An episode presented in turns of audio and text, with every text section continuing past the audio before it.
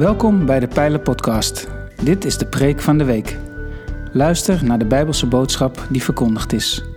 We hopen dat je groeit in kennis en liefde voor Jezus Christus.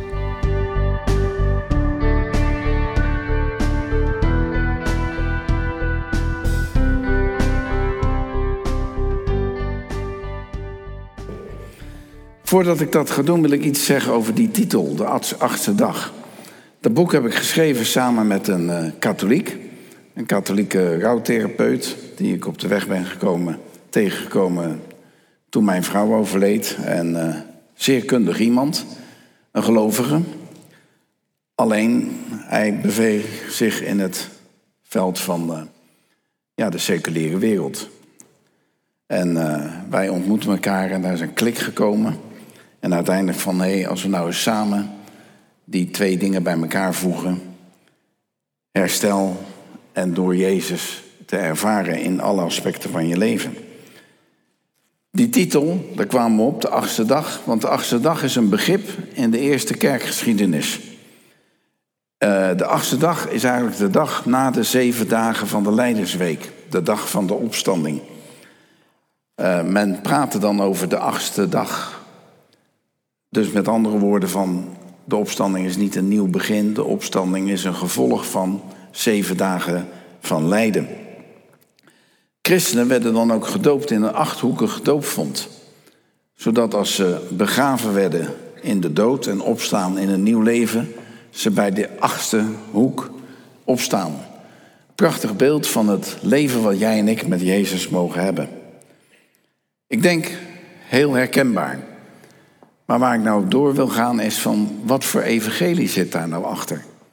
Want wij praten vaak over het evangelie en dan denken we dat we direct al weten wat het evangelie inhoudt. Maar het evangelie is wel een beetje breder vaak dan de paar zinnen die we gebruiken. Jezus is voor jou aan het kruis gestorven. In evangelische kringen, sterker nog in Nederland, protestantse kringen, wordt het evangelie vaak samengevat met Jezus is voor jou aan het kruis gestorven. En dan verwijst dat naar een verzoeningsmodel. Het evangelie kent vele verzoeningsmodellen wat Jezus voor ons gedaan heeft. En dat zet je in een model om het te begrijpen. Dat model is niet beperkt, dat model is slechts een aspect. En Jezus is voor jou aan het kruis gestorven, dan denken we vaak aan juridische termen.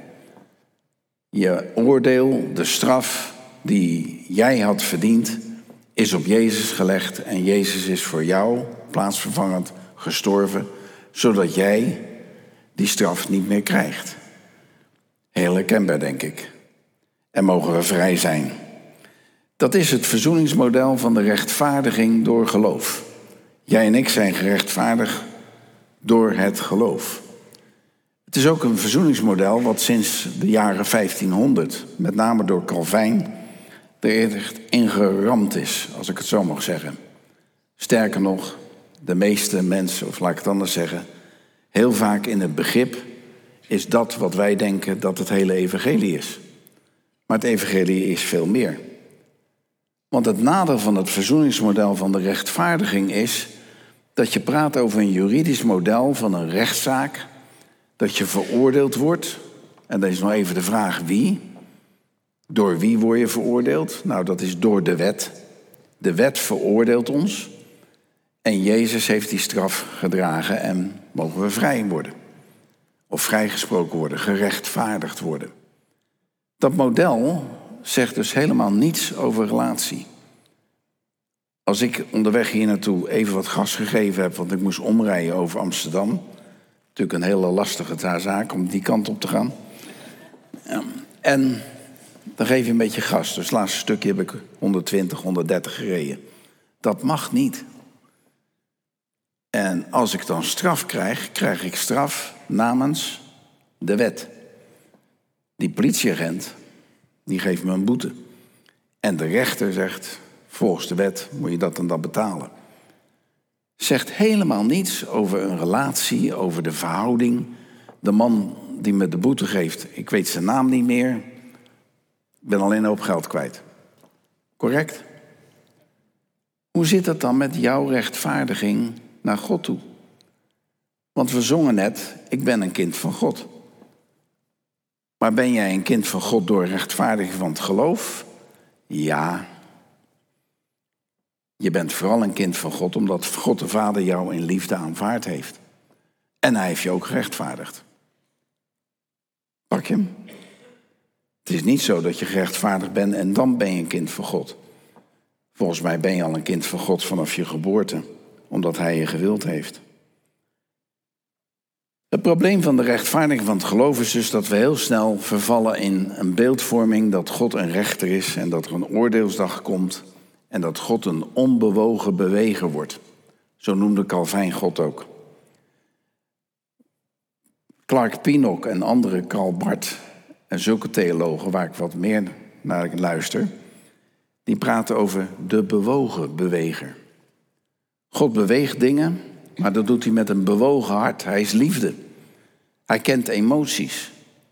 En daarin ontmoeten we hem ook. Dus dan stap je weg uit een juridisch model naar een relationeel model. Het evangelie is namelijk veel breder. De rechtvaardiging van geloof is 100% waar. Tegenover de wet. De wet heeft geen oordelen meer over jou. Maar er zijn meer modellen. Naast me, verlossing. Jezus heeft ons bevrijd uit slavernij. Dat betekent dat machten die op jou invloed hebben gehad, dat je daarvan bevrijd kan worden. Wat die machten ook mogen zijn. Van geldzicht tot drugs tot hebzucht, noem maar op. En dan zijn we bevrijd. Bij dat verzoeningsmodel van de verlossing denken we niet aan Jezus die de straf gedragen heeft, maar denken we aan de bevrijding van het volk Israël uit Egypte. Die door de Rode Zee gaan en zo bevrijd worden. We hebben dus meerdere modellen. En ja, natuurlijk, het kruis is daarin centraal. Aan het kruis gebeurt dus meer. Naast wat ik daar nog meer staan, verzoening. Verzoening is natuurlijk de allermooiste. Verzoening spreekt namelijk wel over een relatie, namelijk dat jij en ik weer verzoend worden met God de Vader.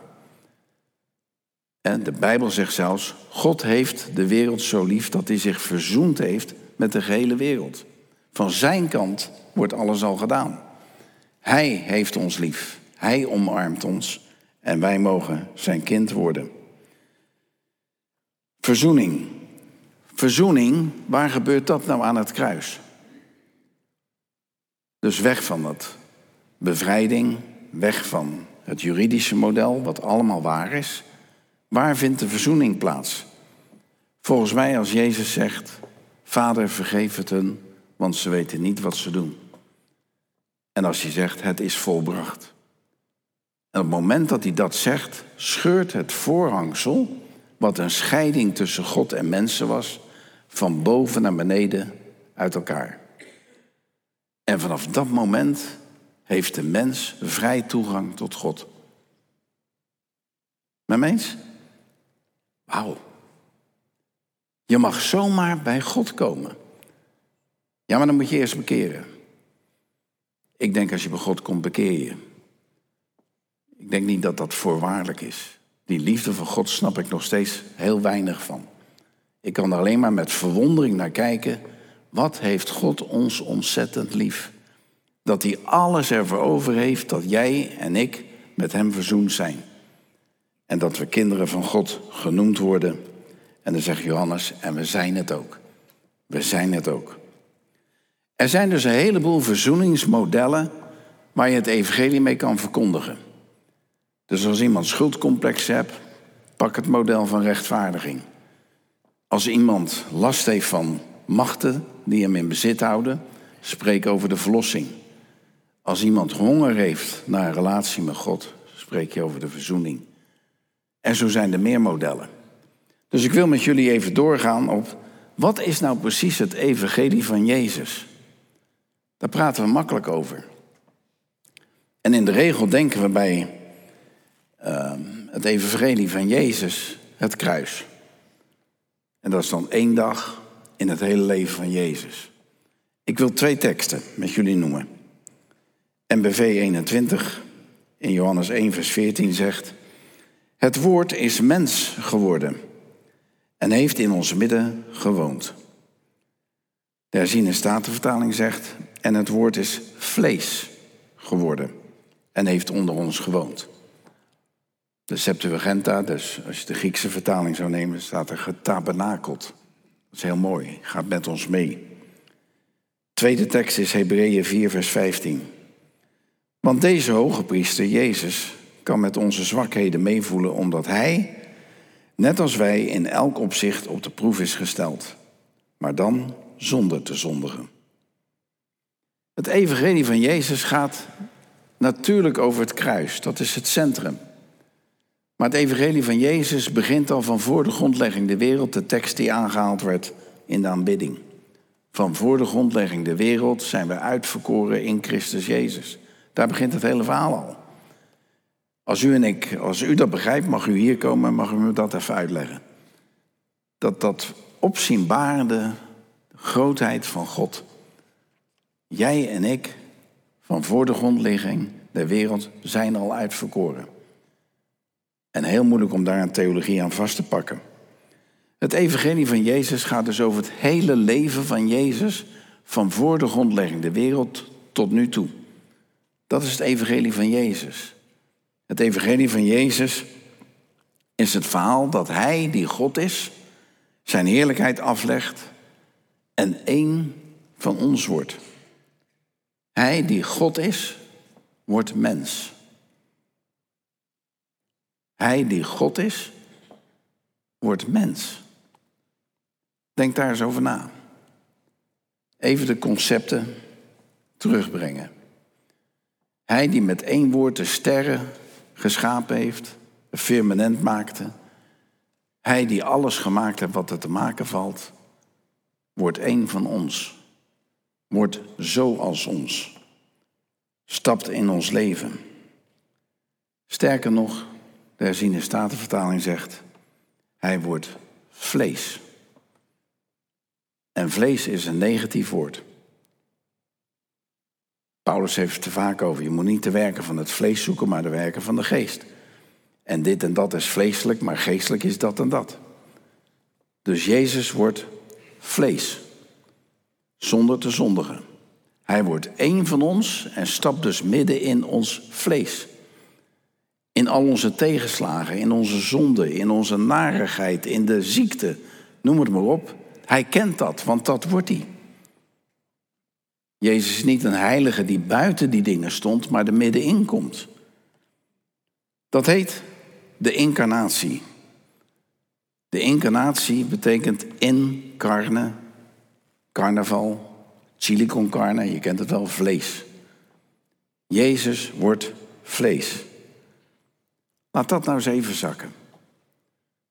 Het hele idee, Filippenzen, dat God die zijn heerlijkheid aflegt, wordt zoals jij. En daar middenin stapt. Dus ik weet niet wat voor worstelingen jij hebt. Ik weet niet waar je laatst tegenaan gelopen bent. Waar je over gefrustreerd bent. Waar je mee worstelt. Wat je vaak tegenzegt. Daar stapt hij in. Wonderlijk hè? Want wij denken vaak, Jij moet je bekeren van die dingen en dan kan je bij God komen. Nee, God komt daar middenin en ontmoet jou. Wauw. Athanasius, de grote kerkvader, een van de grondleggers van de geloofsbeleidenis van Nicea en later de apostolische geloofsbeleidenis, dus waar bijna alle kerken op gebouwd zijn, die zei het zo. Toen de mens viel in zonde, had God natuurlijk een probleem. En dan zegt hij, wat kan God, die één en al goedheid is, daar nu aan doen? En dan bedoelt hij te zeggen, wat kan een God die in zichzelf alleen maar goed is, doen aan een probleem dat zonde heet, dat fout is? En dan zegt hij, degene die verantwoordelijk is, het woord wat verantwoordelijk is voor de schepping, want niets is ontstaan dan door het woord, wordt vlees, wordt mens, zodat de mens weer bij God kan komen.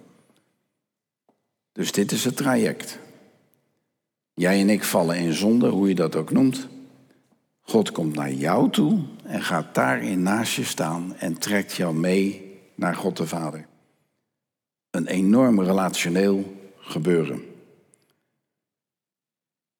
Hij doet dat door één te worden met de mens in zijn vleeselijke staat, zodat die vleeselijke mens weer één met God kan worden. Wij zouden zeggen, hij identificeert zich met de gevallen mens. Sterker nog, hij wordt één met die gevallen mens. Zodat die gevallen mens weer kan opstaan in een nieuw leven in eenheid met God. De achtste dag. Jij en ik kunnen dagelijks weer opstaan in de achtste dag. Leven met God. Dwars door alle problemen heen. Omdat hij daarbij is. Omdat hij er is. Dus wat gebeurt er? Het woord stapt in onze wereld, wordt één van ons en één met ons. Identificeert zich met de mensen. Dan noemt Jezus zich, als hij het daarover hebt, altijd de mensenzoon. Hij vertegenwoordigt de mensheid. Alleen hij zondigt niet. Hij vervalt niet in de fouten die jij en ik maken. Maar wat hij wel doet, is die mensheid als het ware omarmen, die belichaamt hij. En hij neemt die mensen met zich mee met alle zonden die erbij hoort. Hij draagt ook onze zonden. En dan wordt hij gekruisigd. En als hij gekruisigd wordt, sterft de mensheid met hem mee, omdat hij zich daarmee omarmd heeft. Bekleed heeft. Geeft er maar woorden aan. Jij en ik zijn gestorven en met Christus opgestaan. Wij zijn met hem gekruisigd. Aan het kruis van Golgotha stierf Jezus, maar ook Henk Rothuizen. En ook Han Hogendoorn. Iedereen, de hele mensheid stierf. Gaat met Jezus de dood in. Gaat met Jezus de hel in. Gaat met Jezus de opstanding in. Gaat met Jezus de hemelvaart in. En komt aan de rechterhand van de Vader. Op dit moment zit er een mens aan de rechterhand van de Vader die mij vertegenwoordigt, waar ik één mee ben. Dat is wat. Dat is het evangelie. Dat is de blijde boodschap die wij mogen verkondigen. Niet alleen dat je gerechtvaardigd bent en bevrijd bent, maar dat je een relatie met God de Vader mag hebben, dat je naast hem mag zitten, dat je zomaar bij papa God mag komen. En ja, ik heb dan wel eens problemen. En dan voel ik een hindernis. Maar van zijn kant is dat niet zo. Want hij rechtvaardigt ons, hij vergeeft ons, hij verzoent ons voortdurend. Jij en ik mogen met God de Vader leven. Dat betekent dat jij en ik dagelijks in de achtste dag mogen leven. Het nieuwe leven wat we met God mogen hebben. Leven vanuit de achtste dag gaat dus ook over jouw leven. Niet een leven wat een perfecte heilige is, maar een leven wat dwars door alle moeilijkheden gaat. Zoals Jezus, onze hoge priester, ook dwars door alle moeilijkheden ging. En in het boek gaan we dan hebben over de grote transities in de mensheid. Waar kom je vandaan? Waar ben je geboren? In welke familie? Hoe zit dat in elkaar? Wat zijn je hechtingen? Wat zijn de afwijzingen in je leven, je teleurstellingen, verlies, rouw? Dingen die allemaal in ons leven plaatsvinden. En waar we weinig controle over hebben. En in ieder aspect laten we dan zien, en Jezus heeft dat exact zo als jij meegemaakt. Hij snapt je. Hij staat vierkant achter je en naast je. Hij weet waar je het over hebt. Jij en ik, zijn geboren in Nederland, sommige mensen ergens anders. In een bepaald tijdvak. Op een bepaald moment in een bepaalde cultuur. Even bij stilstaan. Daar heb jij dus nooit voor gekozen. En wij geloven als evangelisch in de vrije keus van de mens. Maar dan mag ik best wel even twee aanhalingstekentjes tussen zetten. Want jij hebt nooit gekozen voor het leven wat je nu leidt. Toevallig ben je in Nederland geboren. Toevallig ben ik geboren in het gezin Rothuizen. Daar kan ik alleen maar dankbaar voor zijn, want goede ouders gehad. Maar vele mensen hebben het minder gehad. Ik ben geboren in een bepaald tijdvak. Ik ben van bouwjaar 1949, het beste bouwjaar wat er is. Huh? Dat vind jij? Dat vind ik, ja, ja, ja. ja. Net zoals bij voetbalclubs, weet je, daar moet je heel eenzijdig in zijn. Uh, hè, Ruud? Ja. Nee, maar even gewoon flauwekul natuurlijk. Heb jij nooit stilgestaan van wat raar dat je op aarde bent? Ik vond het raar dat mijn achternaam Rothuizen was. Ik heb heel veel moeite gehad dat familie wel eens zei: Jij bent een echte Rothuizen. Want dat was niet een positief iets. Stront eigenwijs en altijd beter weten. Dat gedoe. Dus ik ben ergens geboren waar ik nooit voor gekozen heb. Ik ben geboren in een bepaald gezin waar ik niet voor gekozen heb. Ik ben geboren in een bepaalde cultuur waar ik ook niet voor gekozen heb. En dus eigenlijk ook helemaal geen rechten aan mag ontlenen. Voor hetzelfde geld had ik in Syrië geboren of in de Oekraïne. En dan? Ben ik dan als mens anders? Maar er is een derde lijn. Wij geloven dat je ook uit God geboren bent. God heeft jouw leven gewild. Het leven is iets wat uit God komt. En zo is het ook bij Jezus. Jezus werd geboren in een bepaalde familie, Jozef en Maria. En werd gelijk geconfronteerd dat hij een bastaard genoemd werd. Als je even teruggaat in die tijd, wat het betekende om zwanger te zijn voordat je getrouwd was, dan word je niet vrolijk van. Zeker niet in de religiositeit die ze toen hadden. Dan wordt hij geboren in een streng religieus context. Onderdrukt door een vijand. Een land wat enorm in economische crisis zit. Daar wordt Jezus geboren. En dan ook nog wel onder de minste en armste omstandigheden in een stal. En een week later is hij al vluchteling. Gaat hij naar Egypte, had ook Syrië kunnen zijn. Jezus weet wat het is om geboren te worden in een bepaalde familie, onder bepaalde omstandigheden. En identificeert zich daarmee met jou en met mij. Want wij hebben een hoge priester die kan meevoelen met onze zwakheden, omdat hij, net als wij, in elk opzicht op de proef is gesteld, maar dan zonder te zondigen. Maar Jezus wist ook dat hij van God kwam. En nimmer in zijn leven heeft hij de relatie met God zijn Vader losgelaten. En dan moet ik je eerlijk zeggen, dat was niet omdat hij zo geweldig God was. Nee, dat was omdat hij daarvoor koos. Hij wist dat hij van de Vader kwam en hij wist dat zijn enige boei in het leven was de relatie met God de Vader. En zo wil hij ook naast ons staan. In het leven, wat we ook meemaken. In onze tegenslagen en in onze successen. Met alle blijdschap en in al het verdriet wil hij met ons meeleven. Als hoge priester. In iedere situatie van ons aardse leven. Met name op Goede Vrijdagen. Want iets wat we in deze verwende wereld niet meer snappen, is dat opstandingsleven alleen kan komen uit een Goede Vrijdag. Er is geen opstanding zonder Goede Vrijdag. Er is geen nieuw leven voor jou zonder eerst even naar dat zwarte te kijken wat niet goed gaat. Dat te benoemen en onder ogen te komen zonder schuldcomplex maar met van hier wil ik uit, ik wil Jezus omarmen in die ellende, in die zaken. Want, zegt Paulus, jij en Christus zijn samen gekruisigd, zodat we met Christus kunnen opstaan en zullen opstaan. En of dat nou je geboorte betreft, je hechtingen, je onzekerheden en zekerheden, je verliezen, afscheid of teleurstelling, je roeping of je bestemming, je eenwording met Vader, Zoon en Geest. Vanuit die ervaringen stappen we in de achtste dag in het nieuwe leven. Want God kan iedere negativiteit omzetten naar iets positiefs. En als hoge priester wil Jezus je daarin begeleiden.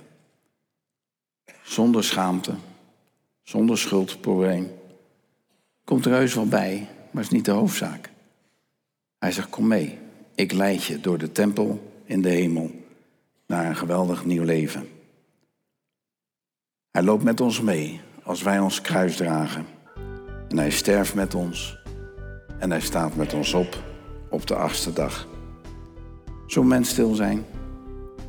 En ik wil aan jou vragen. Waar en hoe raakt Jezus jouw leven? Is dat alleen maar in zegeningen? Of ken je dat en verlang je ernaar? God te ontmoeten in alle narigheid die je ook hebt, in alle tegenslagen. En durf je die dingen onder ogen te zien met een verzoenende, vergevende, liefhebbende vader die je ergens op wijst en zegt van, zodat nou eens recht in de ogen aankijken, heb ik een nieuw leven voor je. Kom op, pak je goede vrijdagen en ga door naar de opstanding. In Jezus' naam. Amen.